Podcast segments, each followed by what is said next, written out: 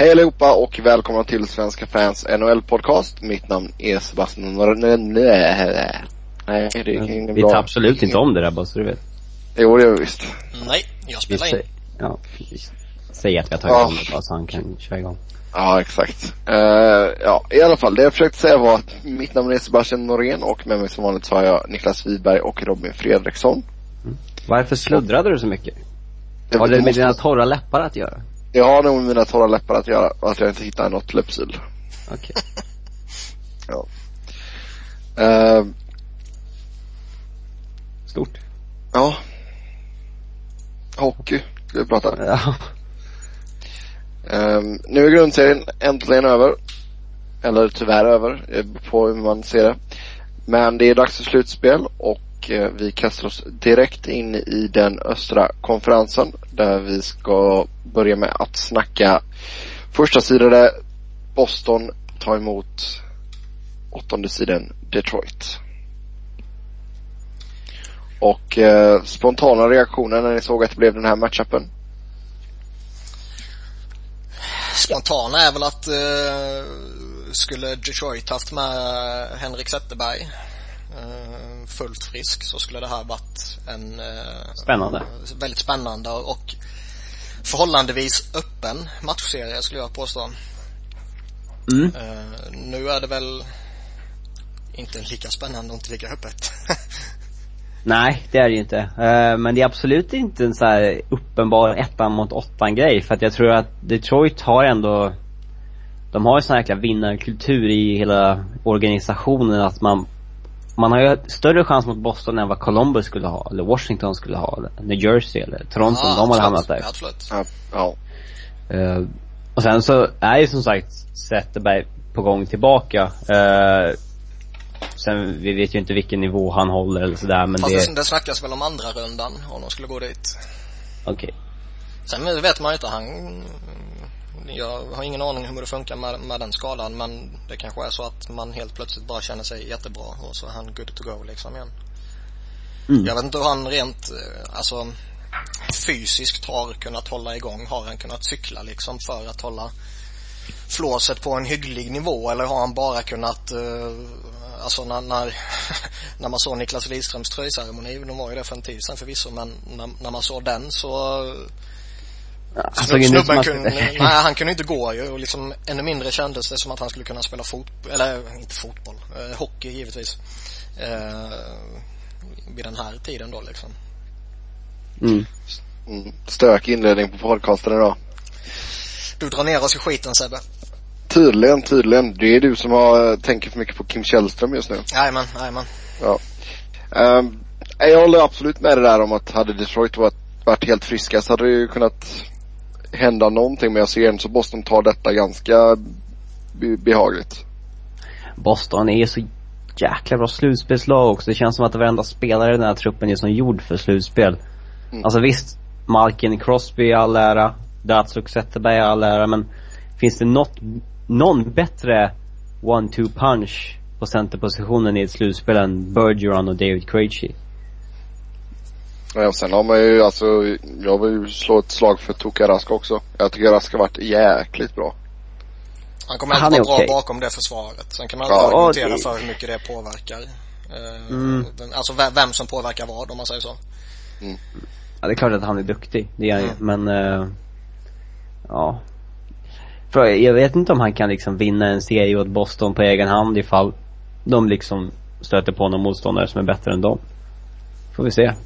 Men, eh, Nej men jag hade, jag hade ju gett ett fri, samtidigt så hade jag ju gett Detroit en större chans mot Pittsburgh än vad jag ger dem mot Boston. Absolut. ja det är för Boston är mycket bättre än Pittsburgh. Sen är det väl, alltså det, det man, som Boston-supporter ska man väl inte vara jätteorolig men de har ändå lite sådana här små eh, grejer. Alltså Patrice Bergeron missade ju två matcher här mot slutet med lite sådär va och Chris Kelly har ju lite missat några matcher och Mark Savard är borta. Eller hur? Nej men Daniel Pail är väl skadad också en sån här och det är en- ändå en gedigen snubbe i en, i en av de lägre kedjorna. De har lite Adam McQuaid, lite Dennis Seidenberg som tidigare liksom. Så jag menar det, lite sådana här frågetecken är det och De hade ju nu några matcher mot slutet där, där de vilade lite spelare också. Där det blev, alltså när du plockar bort Deno Chara från deras backbesättning så blev det ju, fan det var som himmel och natt ju. Mm. Ja, Chara är duktig. Eller vad, himmel och natt säger man inte, vad fan säger man? Dag natt och dag. Ja, så säger man. Natt och dag. fan Sebbe, du drar ner hela skiten här. Det, du skyller inte det på mig alltså. Jo. Nej, nej, nej, nej, nej. Ha, eh, förutom de här storstjärnorna då, har ni några tips på eh, spelare som eh, folk bör hålla koll på? Alltså, så många man vill nämna i Bostons topp 6 som är så jäkla häftiga att följa i slutspel. Eh, det ska bli kul att se Iginla i den där uh, röran också. När liksom Lucic, Marchand, Bergeron som vi nämnde, han brukar ju vara bäst i varje slutspel liksom och Krejci är ju, det är inte många som vet det, man har ju vunnit poängligan i slutspel två gånger. Hur många har det på sitt CV? Mm. Jag slänger ut uh, Riley Smith. Som ett namn som kan vara spännande att följa. Han, eh, han gjorde ju, eh, ja, mer eller mindre succé i första veckorna, första månaderna. Um, har väl inte varit rikt, riktigt lika het mot slutet här nu. Um, men känns ändå som lite ja, man ska inte kalla honom joker på något sätt. Um, men känns ändå som en snubbe bakom de här stora som uh, bör kunna blixtra till. Mm. Och sen uh, Louis Eriksson och Karl Söderberg. Mm. Louis och Karl, viktigt mm. att säga rätt. Uh, ja, de ska bli intressant att se i slutspel. Louis känns ju inte som en typisk slutspels-warrior direkt, men uh, Karl Söderberg ska bli cool att se för att han har ju det Ja, det känns som att han kan bli en riktigt vass slutspelskille. Ungefär lite såhär som Johan Franzén var i Detroit för några år sedan. Mm. I Detroit tycker jag nog ändå det ska bli lite eh, intressant att se vad en sån som David Legwan kan hitta på. Mm. Eh, som när han har lirat slutspelet med, med Nashville senaste tiden så har han ändå gjort Alltså jag tycker ändå han har presterat okej okay siffror i ett Nashville som uh, Ja, som aldrig gör mycket mål liksom. Mm. Om man tittar på hans eh, tre senaste slutspel. Mm. Så det, det liksom kan, kan Datsjuk och Franzén uh, och Gustav Nyqvist får man inte glömma. Liksom ta, ta den stora bevakningen så, så ska det bli spännande att se Legwand, se vad han kan göra. Det ska bli intressant att se vilka av Detroits kids som får vara med för, först och främst. Mm, Tatar och Jurko mm. Eh, Tatar är nog med garanterat med tanke på vilken säsong han haft. Men Riley Sheehan, för han var kvar i laget liksom när det kommit tillbaks lite gubbar. Eh, men det ska se vilka som liksom spelar bort sig själva från chansen. Eh, det är ju möjligt att någon får en två, tre matcher än liksom Joakim Andersson eller Thomas Jurko och sen så nej, vi tar in Danny Cleary istället eller någon av deras en Jordan Tutu eller någonting istället. Som de lite mer vet vad de får av. Uh, uh, nu är visserligen Cleary skadad. Jag vet inte vad han har för status här. Man har inte spelat sen januari så att jag antar att han kanske är borta längre. Uh, han har inte varit jättehet när han spelat heller. man, Nej, man, där... man är jävligt nöjd att han inte fick kontraktet ja, som han erbjöds i, i Philly. Mm, för han känns som att han blev äldre i somras om vi säger så. Han tappade en del. Verkligen. Så det, det mm. ska man vara nöjd med. Ja, eh, era tips då? Um, 4-1 Boston. Ja, jag håller med. 4-1 Boston. Eh, då ser vi 4-2 bara för att vara lite annorlunda. Till Boston. Okay. Ja. Ja, då tar vi nästa. Då är det alltså Pittsburgh mot uh, Columbus. Uh, på uh, förhand så känns det väl inte så jättespännande. Det är väl den... Eller? Nej, Eller? alltså det, det, det, kan nog bli en helt okej matchserie så sett och spelet kan nog vara liksom eh, tight och, och intressant och sådär. Däremot om man tittar på de fyra serierna i Eastern Conference så är det väl det här den, eh, om man säger inom situationstecken tråkigaste matchserien. Det kan ju bli lite som med Islanders och Pittsburgh i fjol att Columbus kanske skakar Pittsburgh lite grann. För att de är ju inte jättestabila längre. Uh, Alltså grejen är, jag, jag tror Columbus, alltså Pittsburgh är stora favoriter givetvis. Det, det ska de vara och argumentera om något annat tycker jag är eh, dumt. Men eh, jag tror ju definitivt att Columbus har goda chanser att eh, ställa till med djävulskap vi har ju liksom inte riktigt koll på vad Columbus är för slutspelsgäng. Vi vet vad en Brandon Dubinsky kan göra. Han kommer ju liksom vara tung att möta. Men en Ryan Johansson som har haft en kanonsäsong verkligen. Vart står han? Eh, de är ju ett up and coming lag, eh, Columbus, tycker jag. De är, De har ju, eh, alltså det finns ju i princip ingen erfarenhet överhuvudtaget. Eh, Jag satt och kollade lite just på, på Columbus siffror och lite så här tidigare jag menar, den forwardsuppställningen de ställde upp med i sista grundseriematchen har 69 slutspelsmatcher tillsammans. Och då jag, är tr- ju, jag tror att, det var liksom ordinarie uppsättning då exklusive Nathan Horton, Archie Amber och Nick Foligno som är skadade. Och man ska säga att av de 69 matcherna så tillhör 57 stycken Brandon Dubinsky och Artem Anisimov från tiden Rangers. vi har ett liknande lag som kommer sen, som har noll erfarenhet i stort sett. Mm. Det- Mm. ehm, Jag menar det, alltså där, där är lite så här alla de här unga killarna, du snackar Ryan Johansson och alltså Boone Jenner kommer säkerligen bli skitintressant att titta på. Cam Atkinson, eh, liksom. Nathan Horton om han kan spela om han Ja, han är borta. är skadad Han är borta. hela säsongen. Han, eh, jag för mig det var sex veckor eh, för Okej. någon vecka tillbaka sen så att säga tror jag.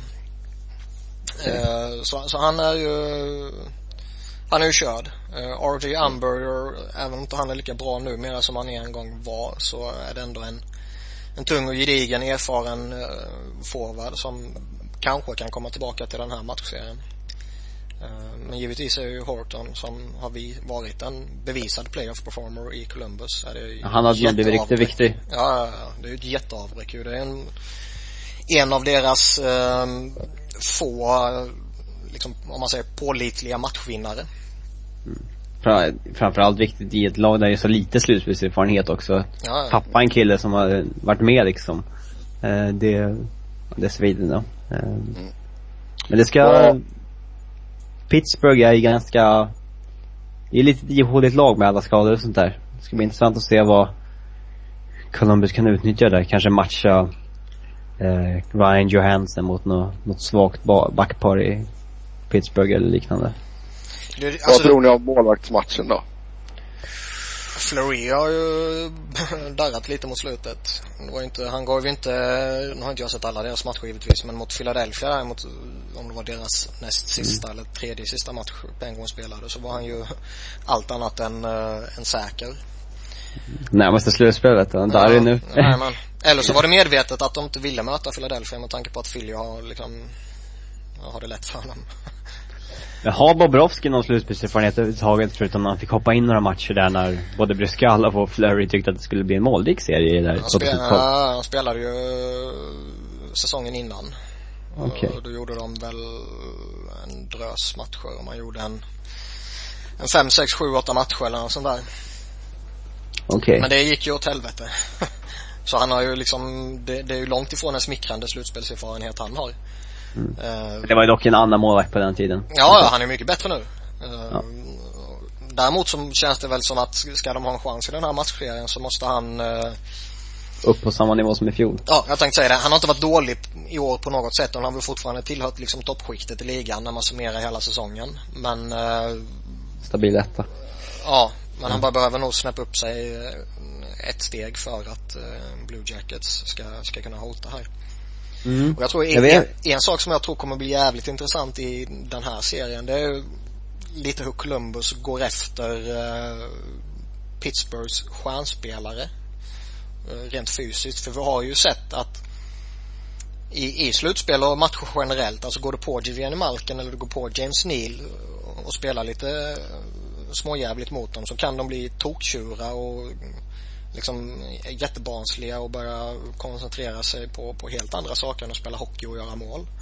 Exakt, knä folk i huvudet och Nej men lite sådana saker. Alltså man märkte det jättetydligt den här galna matchen mot Philadelphia förr liksom. Mm. Eh, och liksom går man efter Chris Letang som ju är lite så här, det är ju inte riktigt politiskt korrekt att, att säga det eller vill jag göra det men går du efter honom och Mm. verkligen smäller honom i Alltså i, i byte efter byte efter byte och, och är ett jävla svin mot honom men på rätt sida gränsen då givetvis. Alltså kan man reta upp honom eller kan man reta upp hela laget och kan man få hela laget att tappa fokus då? Där kommer en sån som Brandon Dubinsky som, som kan vara riktigt hemsk att möta. Han kommer få en jätteviktig roll där ju. Och även sådana som Boone Jenner som, som kan vara en, en jobbig jävel eller Derek McKenzie som tacklar som fan. Alltså de kommer bli jätteintressanta att följa den här matchserien.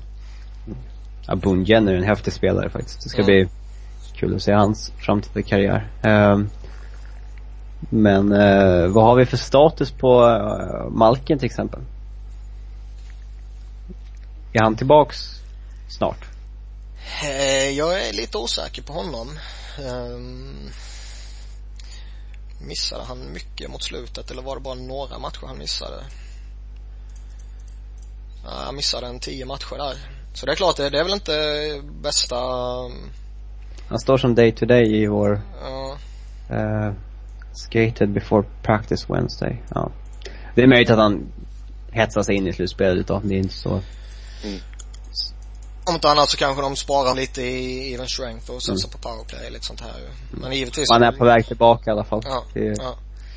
Ehm, annars känns väl Pittsburgh generellt eh, vi var väl lite inne på det också men liksom det, det känns lite, lite, ja det finns lite frågetecken. Alltså eh, Malkin skada där nämnde du, det var lite skadeproblem på eh, Marcel Goss också till exempel. Eh, Pascal Dupuy är ju borta sedan jättelänge tillbaka givetvis och har vilat med lite spelare här framåt slutet och sådär och det vet man ju aldrig om det bara är en vanlig vila så att säga eller om det är något problem som hänger kvar någonstans. Eh, och det, det är inte så att Alltså deras bottom six känns ju fortfarande som uh, ett frågetecken oavsett skadeläge. Så tips här då. fyra, tre Pittsburgh. Um, Och kanske lite önsketänk. Att man vill att de ska skaka Pittsburgh lite grann men jag säger 4-1 till Pittsburgh. Jag, jag tror de kommer ta hem matchserien men eh, jag tror de, eh, om man säger kan bli som Islanders i fjol, så här 4-2. Att de ändå skakar Ja, jag tänkte säga det. Liksom in- individuella matcherna kommer nog bli tight. Men jag tror de tar hem matchserien eh, tydligt, så att säga. Mm, jag säger 4-2 där. Så vi hade varsitt tipp där, det var ju trevligt. Eh, sen eh, Tampa Bay mot Montreal. Här känns det väl som att allting, och då menar jag verkligen allting, hänger på Ben Bishops eh, status. Mm. Anders Lindbäck håller inte. Uh, han har visserligen gjort det bra när han spelat på slutet men eh, Absolut, men jag tycker ändå det är en riktig jävla skillnad på dem. Eh, Alltså Mm. Ben Bishop har väl varit en av ligans bästa målvakter utan tvekan. Och ehm, liksom gå in i ett slutspel utom honom. ehm, och när man dessutom eh, alltså gjorde sig av med Martin St. Louis tidigare så det är ändå två eh, två spelare som om man går tillbaka några veckor förväntade sig att de kommer verkligen sätta ett avtryck på Tampa Bay i ett slutspel. Um, nu är en av dem definitivt borta och uh, den andra är kanske borta. mm. Och all heder åt Ryan Callahan. Det är en jobbig jävel att möta och han kan nog vara jätteeffektiv och Tampa Bay har bra kids också som, som kommer underifrån och gör en fantastisk säsong men Martin St. Louis är ändå snäppet hetare. Mm. Eller hetare, Och- han är väl kanske inte så jävla het men bättre i grunden om man säger så. Vad har vi för status på eh, Bishop? Det enda jag läst är att de skulle få De har varit lite hemliga. Ja, de har varit lite hemliga och det är väl alla egentligen. Men eh, det enda jag har läst är att de eh, Ja, de kommer veta mer ju närmare matchserien kommer. Ja, okej. Vilket är eh, Men det verkar inte som att han liksom är tokkörd fall. Nej, nej. Det, Det, det är väl lite som alla skadade spelare i, vid den här perioden kommer ju Alltså det kommer vara jätteoklart vad fan som händer. Det var ju snack om att Crosby var på gång till slutspelet där 2011, eller 2000, eh, ja 2011. Sen så spelar han inte förrän typ i januari nästa gång. Alltså då är det typ såhär 10 månader, eller Ja, nej, nej, så jag menar, alltså skadeläget i den här perioden ska man ju inte, ja, man ska inte lägga mycket vikt i vad som sägs där, för det oftast stämmer inte ett skit av det de säger. Nej. Mm. Hur ser läget ut i Montreal då?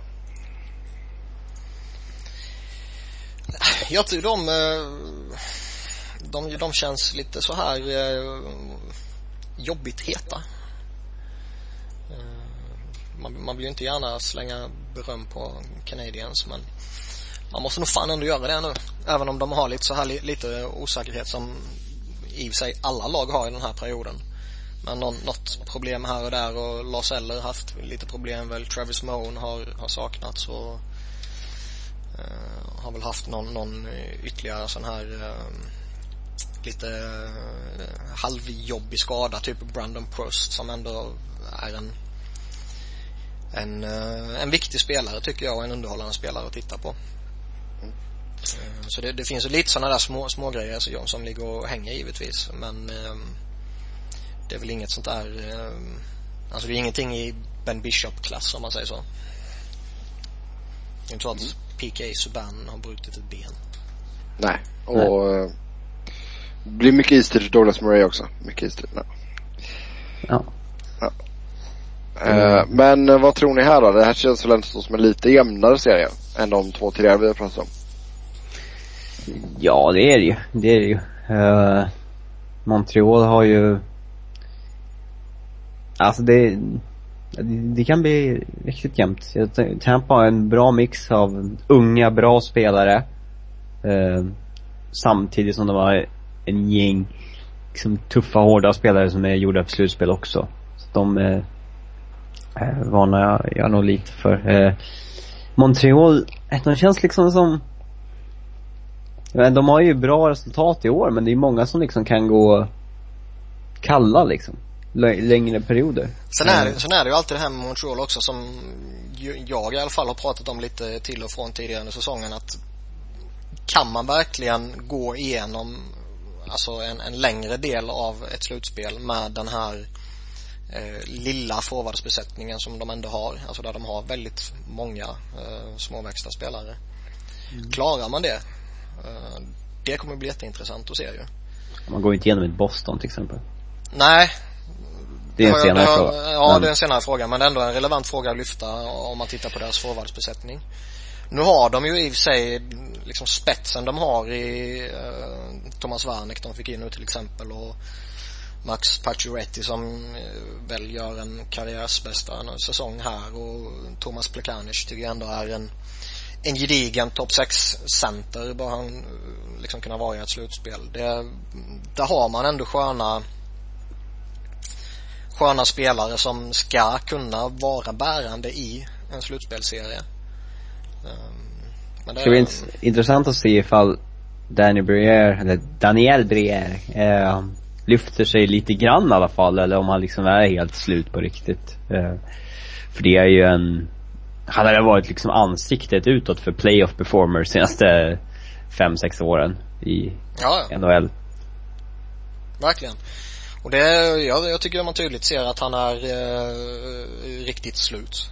Eh, det, det liksom råder ingen tvekan om. Det såg man redan förra året.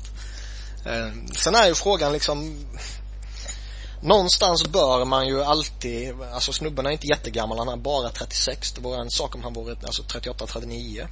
Men någonstans tycker man att i den åldern bör man ändå kunna skaka fram någon form av, kalla det dödsryck, framåt slutet där. Mm. Ja det kan ju vara så att det liksom är motivationen hos honom som börjar brista. Det, det, det problemet lär ju inte gälla längre när det börjar vanka slutspel. Lite, lite så har det varit hela, hela, eller hela karriären ska jag inte säga men, men eh, en väldigt stor del av hans tid i Philadelphia och, och framåt liksom att uh, i grundserien så jag ska inte säga det är motivationsbrist givetvis men, men alltså att han ser, uh, han blir en annan spelare när det blir slutspel. Han tänder till lite extra och visst, vissa spelare kanske behöver det där men sen samtidigt så tjänar man de pengarna som de tjänar så ska det inte behöva vara så. Nej. Man tänker på säsongen, han såg ju ganska trött ut redan säsongen 11-12 när han bara gjorde 16 mål på 70 matcher. Och då, då kom han ju tillbaka till slutspelet som, som en raket. Så Jajamän. att vi, frågan är om han har den nivån i sig men han kan inte vara så här dålig. att se men eh, Han kan inte vara så här i alla fall. nej det här duger inte. Där, där måste han snäppa upp sig givetvis. Men jag har svårt att se att han eh, eller säg så här, jag, jag, jag tror det kommer bli andra spelare som kliver fram. I- snarare än att Danny Briere gör det. Det ska bli intressant att se vilken kedja de sätter honom i. För han har ju spelat en tredje line på slutet med René Bork och Dale Weiss. Eh, jag hade väl kanske i alla fall testat honom i topp 6 istället för Brian Jonta eller någonting första matcherna. För att se om det finns något där. Eh, Sen ska väl Alex Galchenyak och Lars Eller in i det här också. Då, då får de väl visserligen tre bra scoring lines. Mm.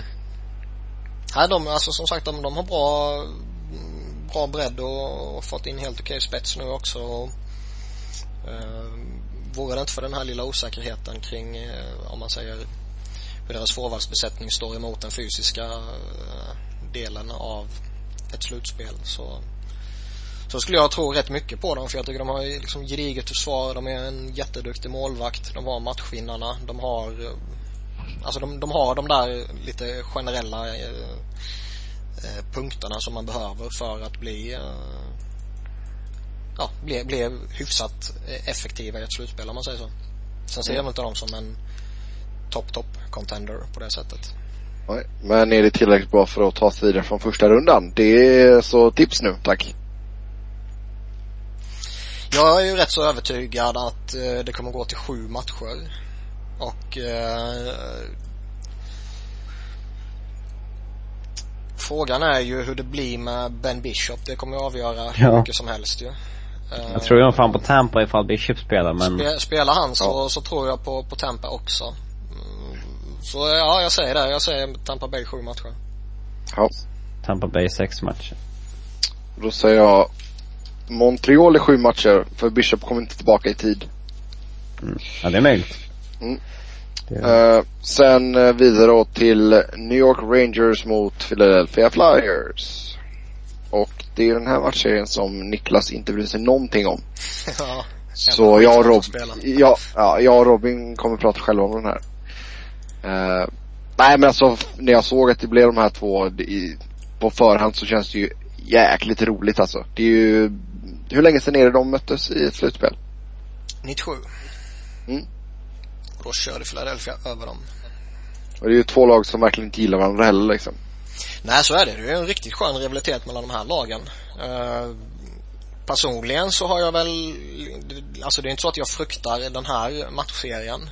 Eh, sen är en, en, en del av mig skulle väl hellre med Pittsburgh än Rangers. Eh, men det var skönt när man eh, slog Pittsburgh och säkrade det här så att man inte riskerade att trilla ner och få möta Boston. För Boston, eh, som jag sagt tidigare, det är det enda laget man vill undvika i Eastern Conference. ja Boston är bra.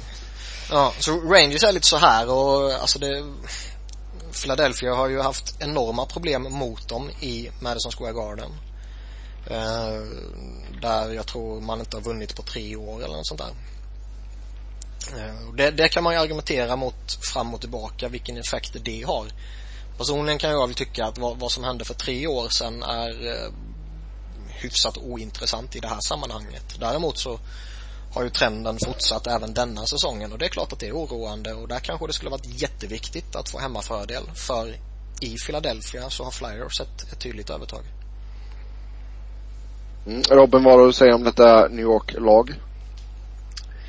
Uh, att det finns en del uh, Alltså, jag vet inte om jag vill säga frågetecken på spelare men alltså Deras forwardsbesättning var Vart står en, en Martin, Martin Stanley vart, vad har vi Brad Richards uh, Rick Nash liksom hur, vad, hur, hur är formen på de här spelarna egentligen för de de får inte hålla den här nivån som de har hållit i i, i grundserien för då kommer det inte gå, gå vägen för Rangers. Uh, där finns det väl lite lite frågetecken. Um, sen, uh, ja, backbesättningen där har jag ganska stort förtroende för de flesta spelarna. Jag tycker den är rätt stabil. Det verkar som att Ryan McDonough kommer att vara spelklar till, till mm. första matchen och det, det är ju en jätteboost för Rangers givetvis. Jag missade de sista matcherna med just reducerade här på grund av skada. Mm. Henrik Lundqvist vet vi ju, han har varit riktigt bra sina senaste slutspel. Eh, och han, det är väl inte så mycket som talar för att han kommer vara sämre. Nej. Mm. Det här känns ju som en sju matchers serie. Det tror jag också. Ja, alltså det, det enda som oroar mig egentligen det är väl eh, alltså just det här hur man agerar framför och liksom runt omkring så här Henrik Lundqvist. För där har man senaste tiden haft en tendens till att låta han se alla skotten och man har en obefintlig mer eller mindre trafik framför honom och omkring honom och så här och när Henke Lundqvist får de förutsättningarna då är han ju så pass bra så att då kommer han kunna vinna matchen åt sitt lag. Och där har Philly varit riktigt dåliga. Eh, så där, där måste ju man eh, eller jag ska säga man, man har varit dåliga mot Rangers för man har en tendens till att spela så mot Rangers. Sen kan man vara skitbra i matchen före och matchen efter men mot, mot Rangers av någon anledning så blir det så. Och det måste man koppla bort och liksom spelare som Scott Hartnell och Wayne Simmons och Braden Chen och, och de här, de måste ju verkligen gå in i skiten och ta det jobbet där. Så det det är ju givetvis en uh, vad säger man, en, en nyckelaspekt från Flyers sida. Samtidigt som man uh, givetvis måste fortsätta uh, alltså första uppställningen i powerplay måste fortsätta leda laget.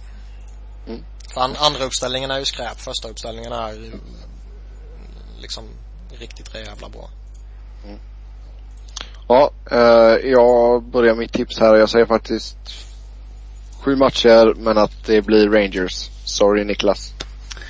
Vad, eh, vad har vi för status på Steve Mason? Jag läste något om whiplash-skada men Ja, jag tänkte säga det också. Alltså det, det, är ju lite osäkerhet kring honom och det spekuleras i eh, allt från whiplash till hjärnskakning till ingenting till mm, rent säkerhetsåtgärd att han blir utbytt och allt sånt. Allt sånt och som jag var inne på tidigare när vi snackade om eh, Tampa? Ja.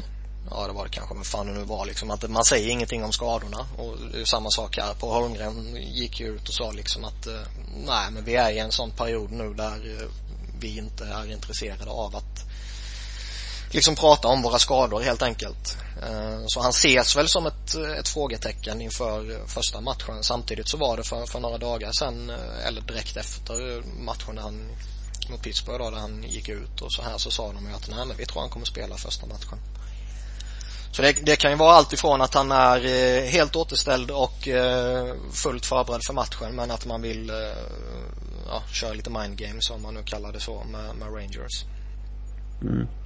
Vad, eh, för blir det Ray Emery mot Henrik Lundqvist så, så blir det ju en lite annan matchserie kanske än vad man hade. Då blir det ju en tydlig fördel Rangers givetvis. Det är, det är väl fördel om man tittar målvaktskampen Rangers oavsett vem som står i Flyers kasse. Däremot så känner jag mig tryggare med Mason än med Emery. Även om Emery fortfarande har liksom förmågan att spela helt fantastisk i en match. Man kan också vara helt jävla bedrövligt dålig. Mm, jag sa 4-3 till Rangers. Robin, Fan vad du hetsar fram att vi ska tippa. Tippa, tippa, tippa. Uh, um, nej, jag tror på 4-2 till Rangers. Ja, eftersom ni är så jävliga får jag väl säga 4-2 till Flyers. Ja. Får se. Vi kanske får göra något bättre eller någonting. Niklas får ta på sig en, uh, ja jag vet inte vad vi kan hitta på. En Liverpool-tröja eller någonting. Det ska bli intressant att se hur dominant Claude Giroux är i den här matchen. För han har ju varit så riktigt vass i senaste slutspelen och uh, det är mer frågetecken på Rangers stjärnor än på Flyers stjärna. Uh, ja. Så är det ju. Alltså båda lagen har ju, om man tittar på pappret, både spets och bredd.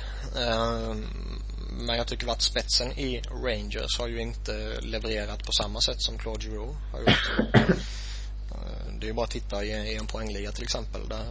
Förväntar jag mig dock inte att, framförallt inte San Louis Nash, att de ska hålla den här nivån som de har hållit under grundserien.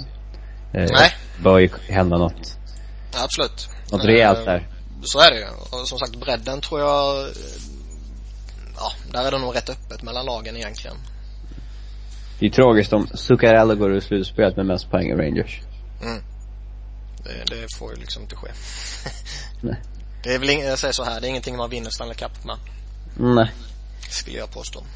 Mm. Sorry alla norrmän. Uh, vi går vidare till Western Conference där uh, vi först har Colorado mot Minnesota.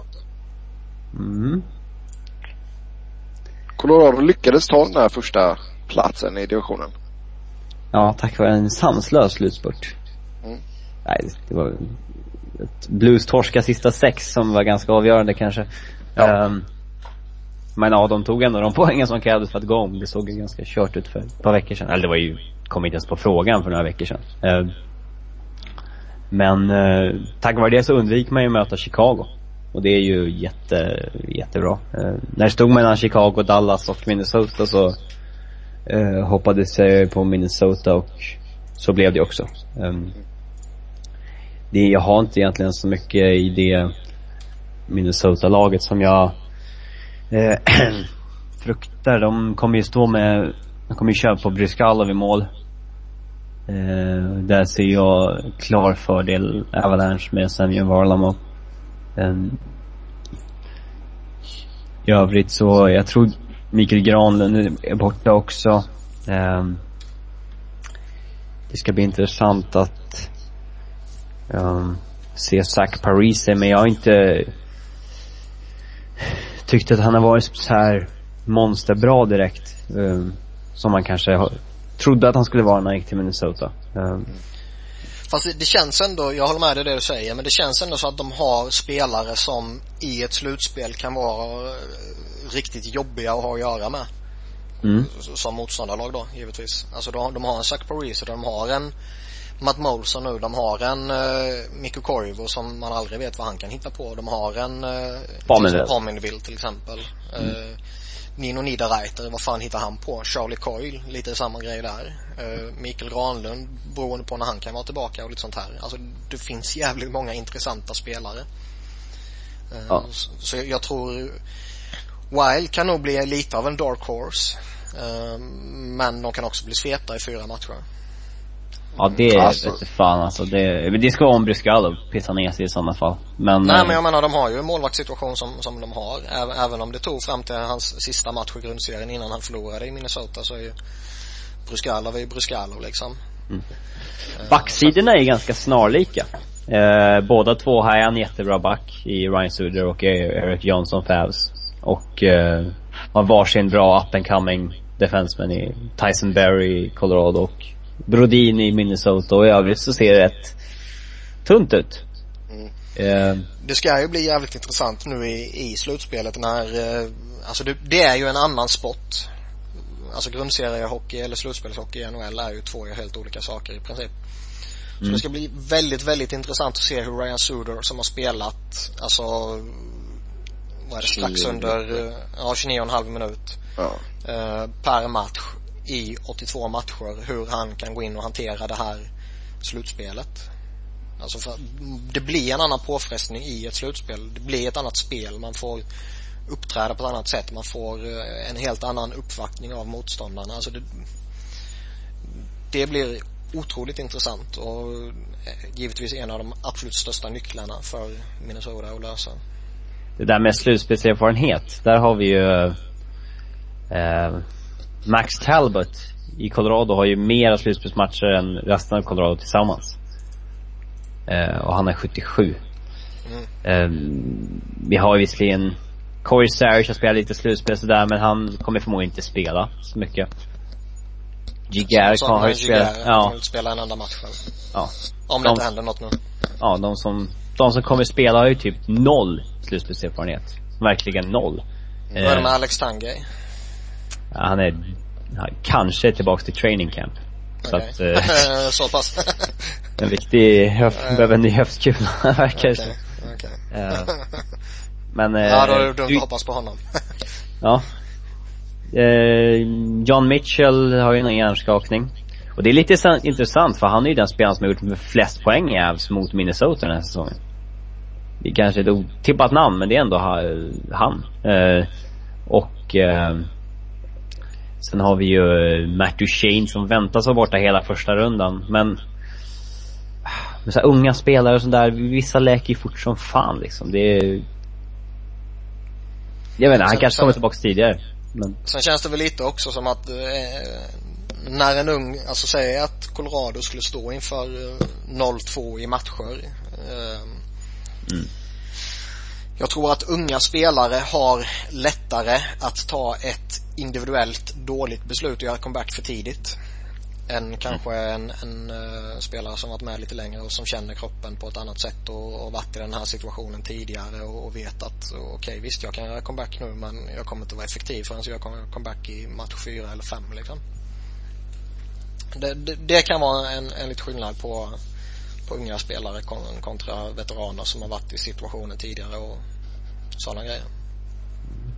en sak som har ändrats i Avs efter att eh, både John Mitchell och Duchene gick bort från Skåla, det är ju att eh, Ryan O'Reilly har spelat center. Eh, Hur, hur har det sett ut? Eh, det har väl gått okej. Han har spelat med Jamie McGinn och P.A. Paranto. Ehm, samtidigt som han valt att behålla McKinnon på en vinge.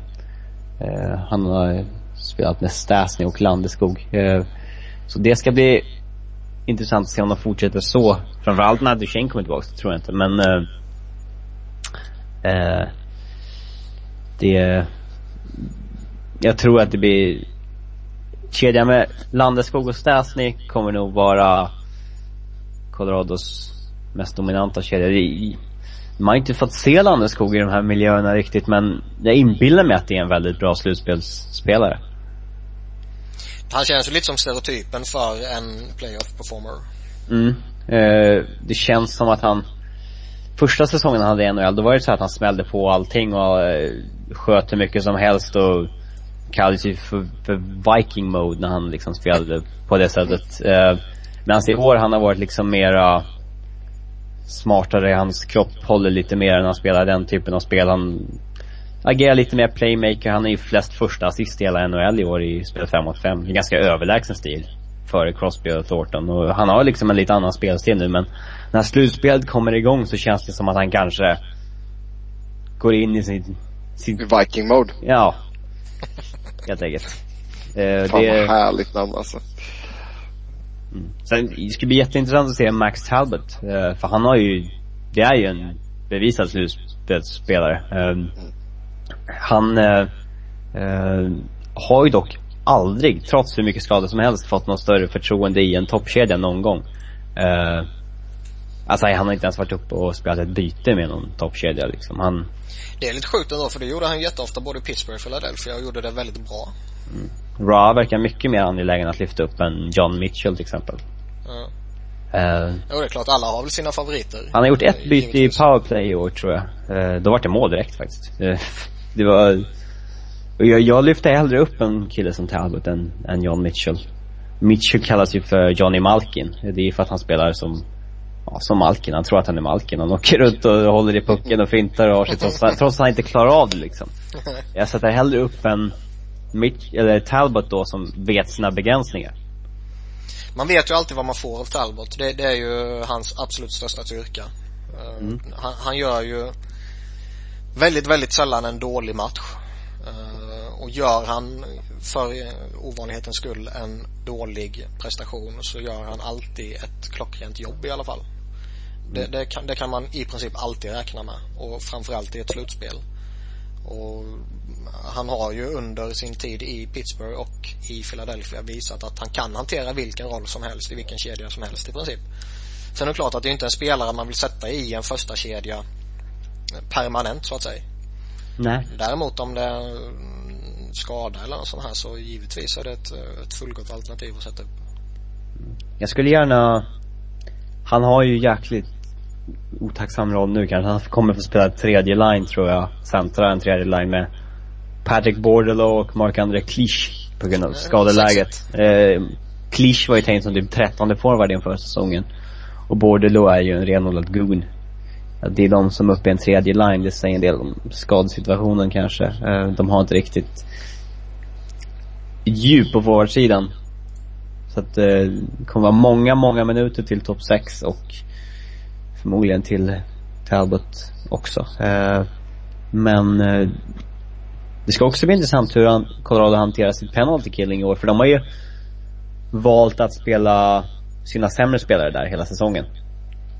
Eh, de har ju spelat Talbot och Clich i första hand. Men nu sista matcherna, när Mitchell har varit borta och McLeod har varit borta, då har det varit så att O'Reilly har spelat med Talbot och Stasny har spelat med Clich och sånt där. De har luftat lite fler sina bättre spelare i Pentakilling och i ett slutspel, då går jag, då tycker jag man ska spela sina bästa i, i penalty kill. Ja, så är det. I, det håller jag med. Grundserien får man, eh, eller får man, ska man eh, matcha på ett annat sätt. Eh, för det, det, det, jag tycker ju personligen det är en jävla skillnad för en forward att spela ja, 18-19 minuter per match under grundserien eller spela upp mot 22. Alltså slår man ut det på en säsong så blir det ju enorma skillnader. Mm. Framförallt i nummer ett underläge där du ja, sannolikt kommer du vinna lite skott runt omkring dig liksom. Ja. Sen vore det ju, det vore liksom tjänstefel om det är en minut kvar om man har en penningkilling och leder en match. Om Rob liksom på riktigt sätter ut Clich istället för Stasny. jo, givetvis. Givetvis är det så. Um. Ja, får vi en prediction här då? Kan börja med Robin. 4-2 Avalanche. Niklas?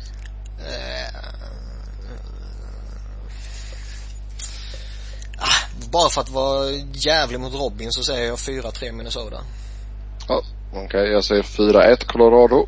Jag tror kanske inte på det på riktigt men jag vill säga det bara för, bara ja, för att. Du, det får du göra. Det är inga problem. Eh, nä nästa serie är eh, Anaheim mot Dallas. Och eh, Dallas tog ju som bekant det sista wildcard-kortet där då. Eller wildcard-spotten. Vildkortplatsen. Vildkortplatsen, exakt. Det låter som om de har gått ut och skjutit en eh, ja, björn eller någonting. Uh, kan Dallas rå sig på Anaheim? Ja. Absolut. Jag tror att det är lite skrälläge här kanske. Okej. Okay. Jag, jag tror, precis som i fjol så, då kom ju Anaheim nästan, de vann ju nästan conferencen och vi sa i första rundan då att de kan nog fan åka ur direkt där. Då mötte de visserligen Detroit som eh, kanske var lite bättre än vad tabellen visade. Men eh, alltså Anaheim är inte så bra som tabellen säger tycker jag bara. Det... Alltså, det, alltså tittar man på deras laguppställning namn för namn så är det ju få spelare som man verkligen eh, liksom fastnar för på det sättet. Alltså visst, de har Ryan Getzlaff och de har Corey Perry och de har Cam Fowler och till viss del François Bouchemin också. Mm. Det skulle lika gärna komma ett lag som kommer tia i sin conference. Ja, lite så alltså känns det. Alltså som Carolina eller? Lite så känns det. Sen har de ju Alltså Ryan Getzlaff och Corey Perry är ju en av ligans absolut, absolut bästa eh, toppduo om man säger så. Mm. Eh, det är få spelare som kan mäta sig med dem i spelets alla aspekter i princip. Om man ser det som en duo. Mm. Eh, och det, det kan man ju bära hur långt som helst. Eh, sen samtidigt så resonerar man väl liknande förra året och då gick Core Perry mållös till exempel. Mm. Så jag menar, allt kan ske. Eh, sen tror jag givetvis att eh, om man säger Detroit förra året hade större eh, möjligheter för att eh, hålla Corey Perry mållös än vad Dallas har i år. Ja. Eh, samtidigt Dallas, det är liksom Ben och Sagan, de kan liksom, de kan vara stekheta. Det, det kan de absolut vara. Och sen så tror jag att Kari Lehtonen kommer vara bättre än vilka målvakt nu än Anaheim ställer i mål. Det verkar som att det blir eh, Andersén som startar imorgon. Blir det inte han så blir det nog Gibb, eller inte Gibbs. Gibson? Ja, Gibson. Eh, har Hillers liksom formdippat så rejält eller är han skadad nu? Han var, var lite skadad framåt slutet har jag för mig och lite petad och allt sånt här. Plus att han varit eh, formdippad också. Så jag menar, Han slutar bara, han slutar bara säsongen på 91,1 procent. Det är ganska dåligt för att ha spelat ett lag som vinner hela tiden. Ja, han har, alltså jag tycker inte alls han har varit, eh, alltså om man tittar på början på säsongen, om man tittar eh, inför säsongen framförallt så, så var väl det här en, en målvakt som jag personligen skulle vara intresserad av den här sommaren som UFA om det inte skulle blivit något med Steven, Steve Mason. Eh, så känner man ju inte alls i dagsläget. Eh, Nej. Utan han är ju eh, Sen är det ju alltid liksom lite det här att veteranen som har varit med några år och som har gjort eh, liksom hyggliga siffror och allt sånt här och det är ju det fega valet att sätta honom. Eh, just för att det är veteranen som har varit med tidigare. Så jag skulle väl inte helt utesluta att det blir så men det verkar som att de kommer att spela någon av de två andra där danskjävlen verkar ligga bäst till då.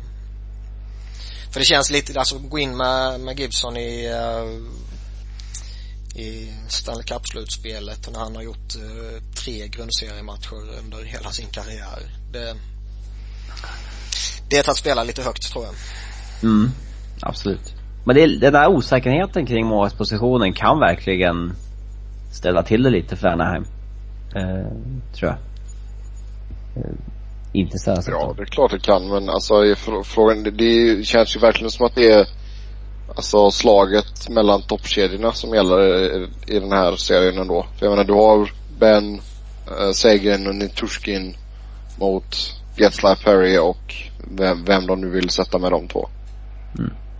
Eh, ja, så är det. Men om vi kollar på bredden på lagen alltså är det, är det jämnbördiga lag detta eller är det någon som har ett litet övertag? Där är det väl kanske ett litet, litet övertag i Anaheim skulle jag säga.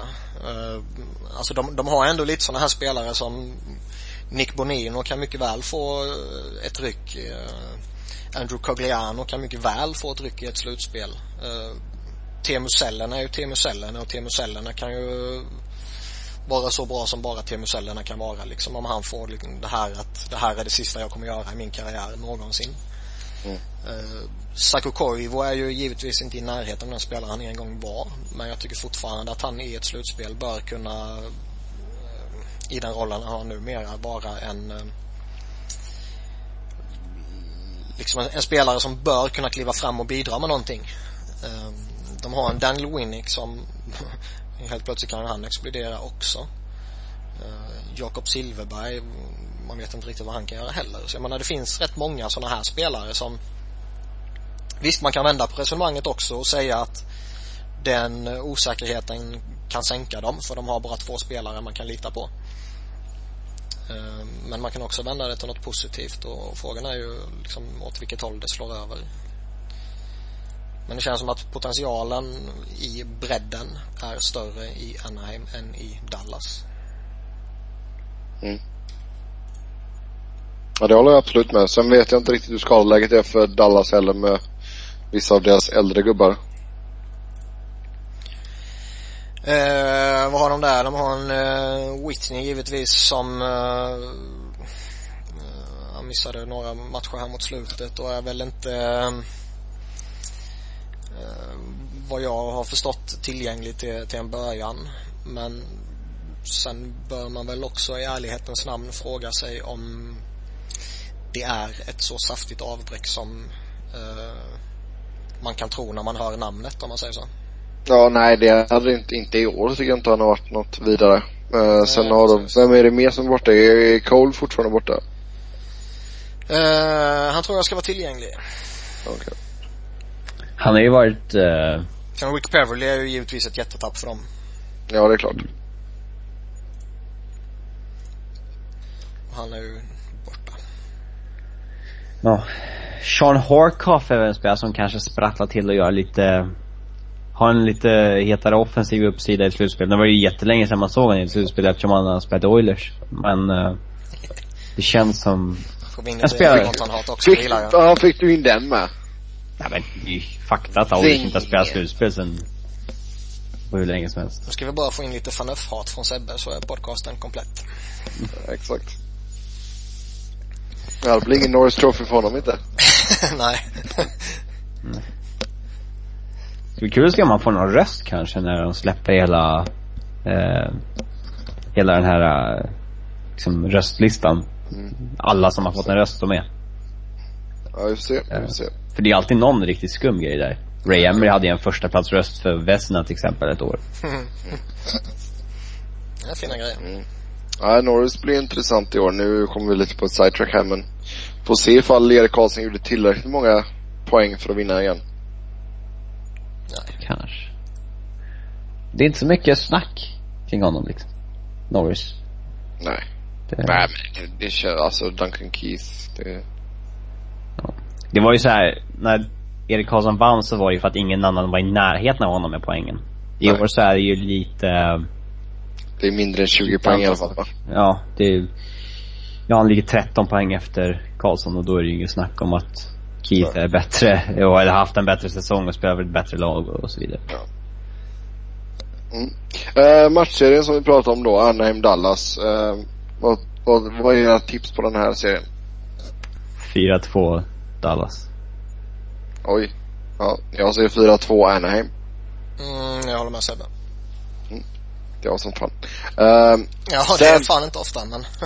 sen serien som alla snackar om att detta skulle vara en andra rundserie. St. Louis mot Chicago. Den är, det är ju en matchserie som är så sjukt jävla ovärdig för att vara i första rundan. Ja, men det är St. Louis fel. Ja, jo givetvis. Det har ju Bägge har varit sämre än. Colorado så att, Det har varit så en anledning givetvis men, men eh, det, det här, Men alltså, alltså- det här kän, det här känns ju som en konferensfinal.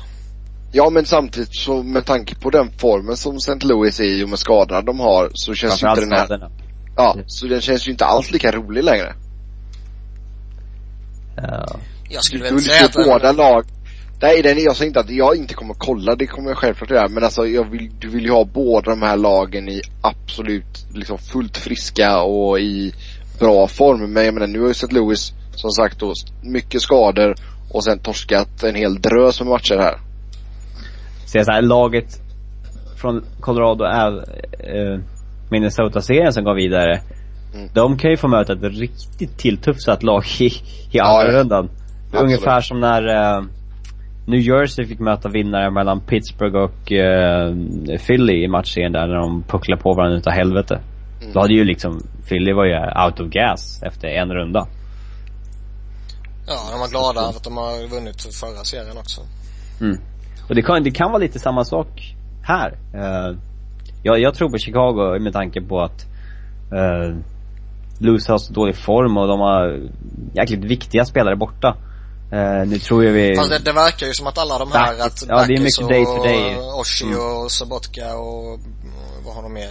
Pietrangelo och alla de här, att de ska vara good to go för game one.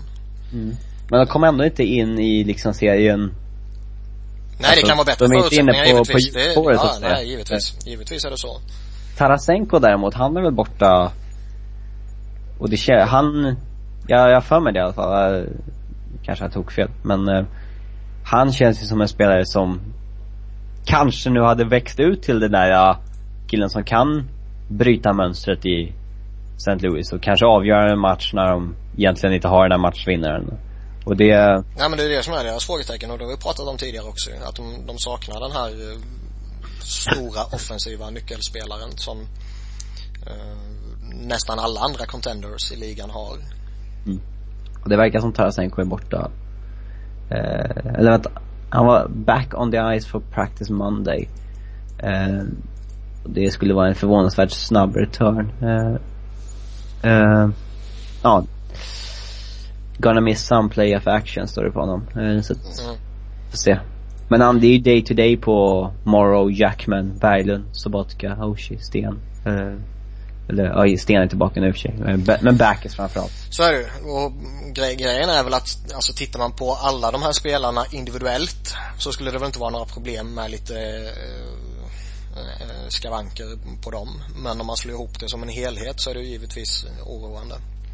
Man vill ju inte gå in i ett slutspel och få möta Chicago i en första runda och ha en, en handfull, eh, alltså viktiga spelare som det ändå är. Det är ju jätteviktigt för dem ju. Ja.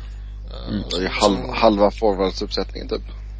Det känns som att Chicago kommer hantera det där mycket bättre att Kane och Taves inte har varit med på ett tag. Att de kommer liksom glida in i det här väl- välfungerande laget på ett mycket smidigare sätt än när Ja, hela kärnan i St. Louis liksom är rapporterna verkar ju vara också om att de, har, de har, hade kunnat lira de sista matcherna. Ja, att de bara filat dem liksom. Så, Ja, de är ju klara för uh, första matchen. Mm. Om jag har förstått saken rätt. Mm. Och det, Chicago är ju ett skithäftigt slutspelslag att följa också. De har ju så coola spelare i sin topp 6 där med Sharp, Kane, Taves och Hossa framförallt. Eh, och liksom, nu när inte Sutter och Webber är ett backpar längre så kan man väl kanske säga att Keith och Seabrook är det liksom det bästa backparet så, i, i NHL. Och eh, framförallt så har de ju så jäkla bra eh, alltså djup också i sin forwardsuppsättning. Fjärde kedjan med Smith, Kryger och Bolan är väl en av de bättre fjärdekedjorna i NHL. mm. Eh, Din man crush Kryger är ju med där vet du. ja, ja. Mm, får inte glömma Mikael Eh. Hunters. Han däremot har haft en lite skakigare säsong men kommer han tillbaka i samma form som han var i slutspelet i fjol så är det ju Då är det bättre. Eh, Alla vet att han kommer att vara bra i slutspelet. Andrew Shaw är ju en häftig slutspelsspelare också. Det, det är ju faktiskt. Eh, det ska vara intressant och kul att se vad Chris Verstee kan göra nu när han är tillbaka på den stora scenen. Eh, och, och i matcher som gäller. Han har inte varit jättebra sedan han gick till Chicago faktiskt. Eh, och det är fan press på Brian Bickle att kliva fram och visa lite slutspelsstake nu. kontraktet. Ja. Han fick ju det här för att han, ja, ska, skulle vara en playoff performer i alla fall. Han gjorde ju ett par mål i fjol. Eh, och det förväntas han väl göra nu också. Ja, absolut. Men det är, nej, som sagt, det här, det här känns som en matchserie som inte är värdig en första runda. Eh, absolut och, och som Robin var inne på så eh, risken är ju rätt stor att eh, det vinnande laget kommer vara rätt slutkörda eh, inför en fortsättning.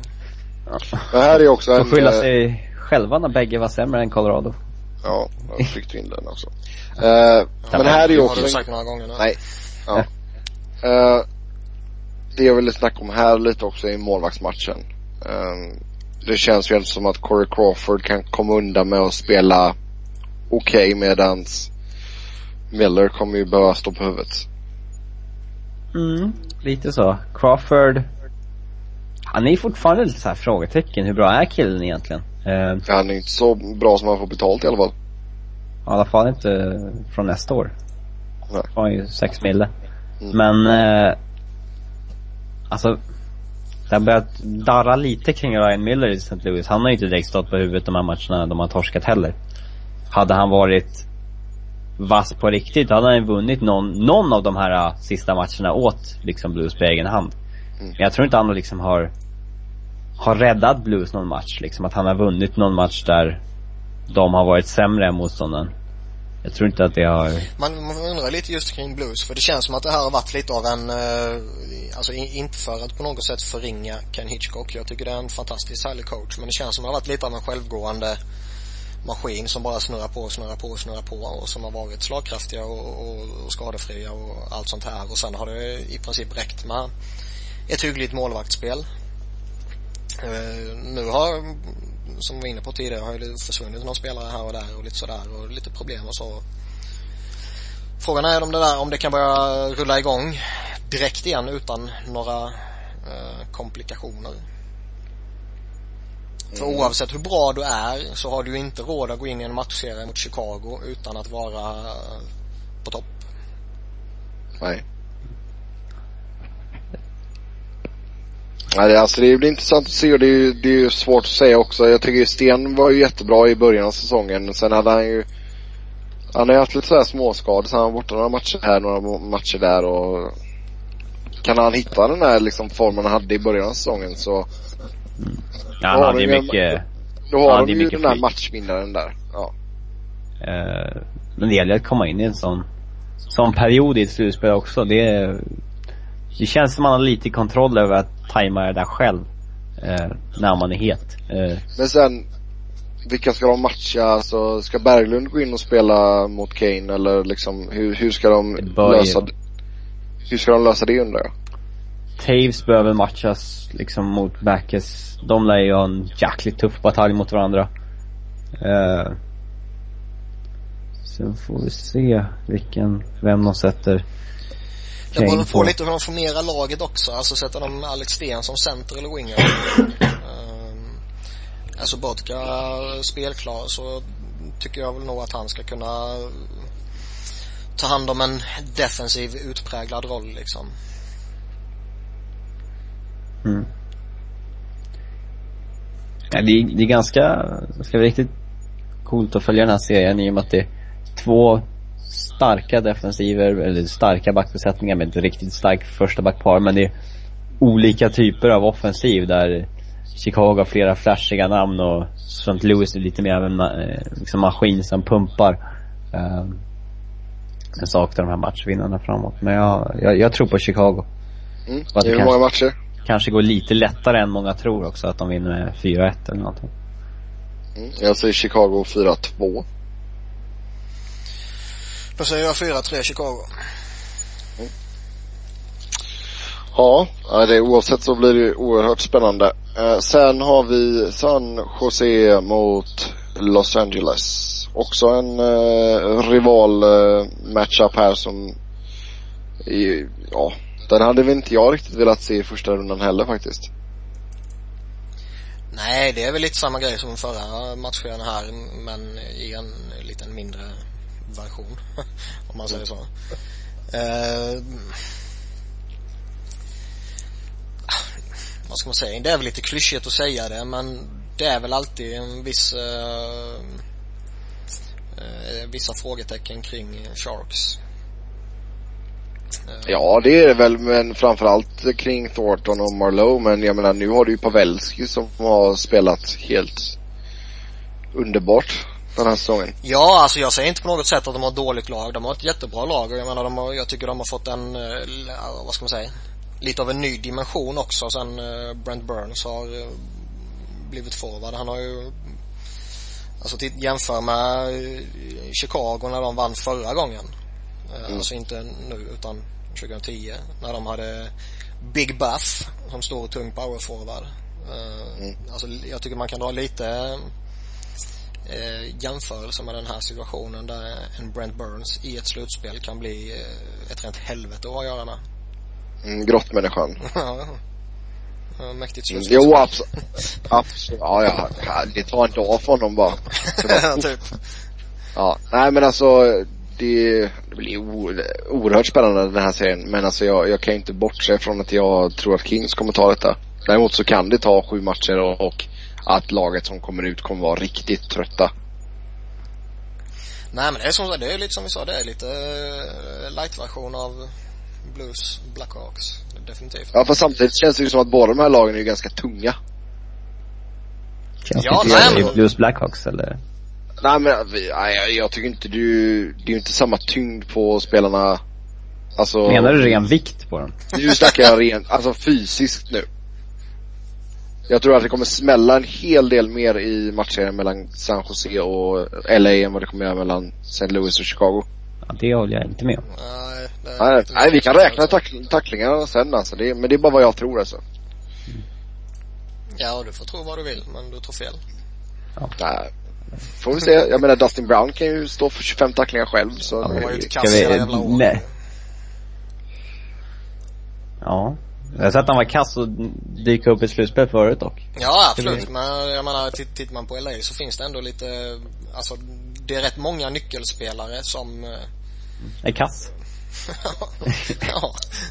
Mike Richards och Nej men det är liksom Mike Richards och Dustin Brown som verkligen är, eh, symbolen för det kassa i ja exakt. Kings. Nej men som är liksom verkligen symbolen för den identiteten som Kings vill ha i ett slutspel. Eh, det är väl dem och sen är det ju liksom eh, Anse Kopitar givetvis som är de, eh, de spelarna som sätter sin prägel i det spelet. Uh, och sen har de lite flashiga som Jeff Carter och Marian Gaborik nu och Justin Williams är en pålitlig snubbe givetvis. Men det, men det är ändå liksom Dwight King kan smälla på ganska bra också, Jordan ja, Nolan ja, om man kan de, de, är, Ja givetvis, men de är inte på den här nivån ja.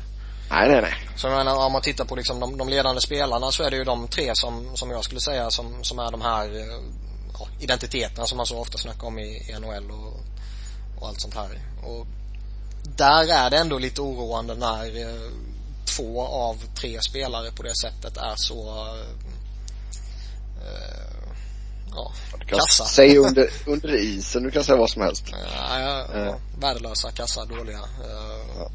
Eller om det bara är en tillfällighet. Det, mm. Jag menar, det, det, någonstans känns det ändå som att de har en spelstil som uh, gör att man ska kunna komma igång i ett slutspel. Absolut. och jag menar, jag, jag, tror inte att båda två bara har förfallit bara sådär och liksom bara är skräp rakt av nu. Definitivt inte. Men um, det, det, känns inte som det är samma osäkerhet kring uh, motsvarande stjärnor i Sharks som där. Nej, de har ju precis fått tillbaka en Hertel och en Couture och Ja, det är, det är inte alls samma frågetecken där. Ja, det ska bli riktigt intressant att se. Chicago är slutspelet för att jag eller jag menar San Jose är slutspelet. För att det, det känns inte som att de kommer falla ihop som förr riktigt. Får se. Det är, jag tror ju att det är stor fördel Kings i målvaktsmatchen också för Quick kan ju verkligen vinna matcher åt laget. Jag har inte samma ja. förtroende för Antiniemi. Ja, det är inte ens säkert att han får spela det här slutspelet Niemi. Mm. Så då, har varit. Då har du Stalok. Mm. Vad, hur är det med Drew Dowdy förresten? Ja, day to day. Ont i tummen.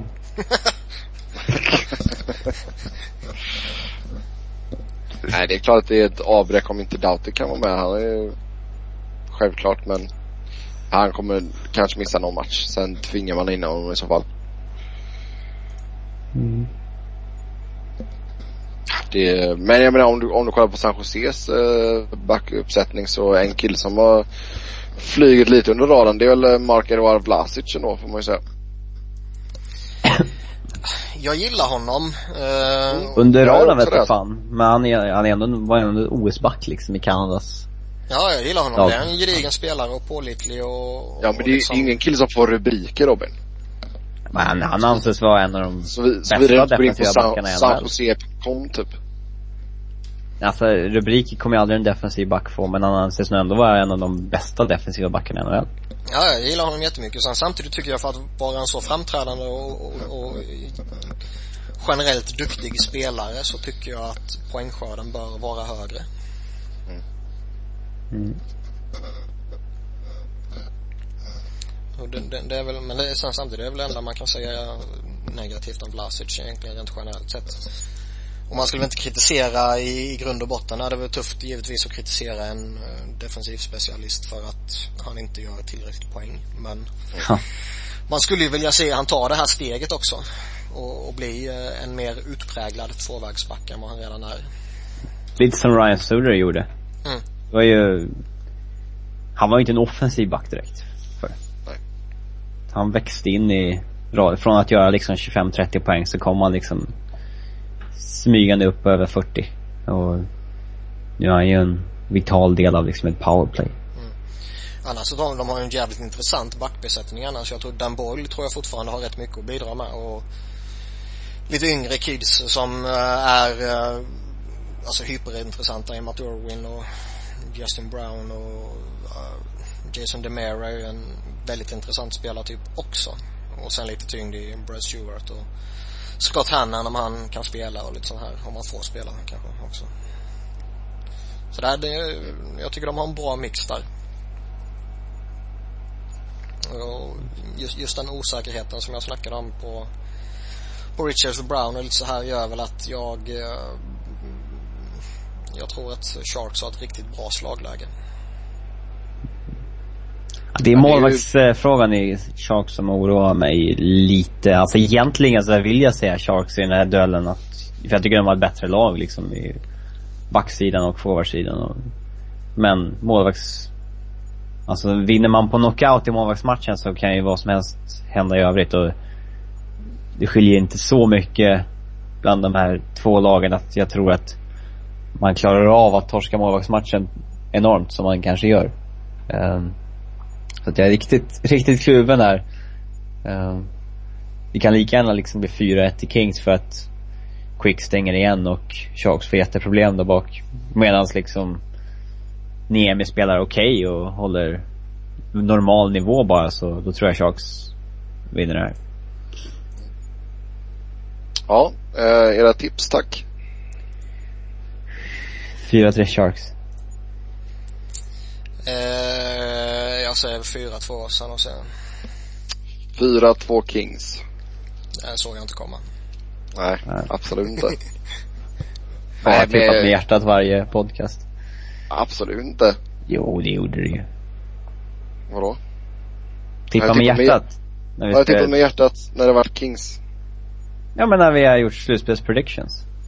Ja, det vet jag du inte. Du tippade ju, du sköt ju om du tippade rätt i det här slutspelet 2012 varje gång. Men det var ju för att du tippade Phoenix och Kings i varje match. Minns du det? Nej. Så, jag har haft alla rätt i West alltså. Det är inte så konstigt ja, just när du bara ja, tippar med hjärtat. Ja. Sådär ja, det hade jag. Ja men det var ju för att du bara tippade med hjärtat. Det hade jag, just det, det hade jag ja. Jag sa det länge innan att King skulle vinna hela skiten också, så var det. Nej, uh, det sa du inte. Jo då, det sa jag. Det Inför säsongen sa jag det till och med. Uh, nej då, men uh, Nej men jag är helt, alla fall. helt ärligt så, alltså det, jag tror att det kommer bli en jättetuff serie mellan San Jose och LA. Uh, men jag, jag, jag tycker LA är bättre. Det, det tycker jag verkligen och jag tror att Quick kommer vara en jättestor del av det hela. Jag tror verkligen det. Så... Uh, Känns som en bra fallback option i Martin Jones också som kanske inte Sharks har ifall de Absolut, ja, Martin, Martin Jones har ju varit riktigt bra när han har fått spela. Så uh, jag, jag tror bara det def defensiven kommer vinna ut för LA även fast inte kanske alla spelare går på uh, hög är i hög form just nu. Mm. Sen är det klart att man vill ju se, jag vill ju se Ante Kåpta komma in och verkligen dominera för en gångs skull i ett slutspel. För jag tycker även när de, även när de vann så var ju inte han övermänsklig liksom. Nej, och det var på tiden att han får göra så här David Krejci slutspel eller någonting. Mm. Jag ser gärna han tog floppa. Ja, det är klart du gör. Jag hoppas SSK Luder. Jag hoppas Wayne Simmons, jag hoppas Wayne Simmons åker in i Ray Emery så båda blir skadade. Så får man inte säga. det, är hate, det är ett hate crime ja. Så ja. får du inte säga. Just Emery Det är inte politiskt korrekt Sebbe. Otippad att han valde Emery och Simmons. Ja, smutsig människa den här Sebbe. Ja, oh ja, oh ja. Nej, det är väl mest att jag önskar att Simmons ska vara kvar i LA. jag tycker det är en fenomenal spelare faktiskt. Uh, men uh, ja, kom gärna med era tips i uh, kommentarsfältet. Uh, så får vi väl se hur våra tippningar går och hur era tippningar går. Um, som sagt, jäkligt kul att slutspelet är igång och uh, vill ni tjata ihop med oss så kan ni också göra det via Twitter. Mig hittar ni på Noren. Niklas på att Niklas Wiberg, Niklas med C och enkel-V och Robin hittar ni på R underscore Fredriksson. Fredriksson med två S. Så tills nästa vecka, ha det gött. Hej. Hej hej.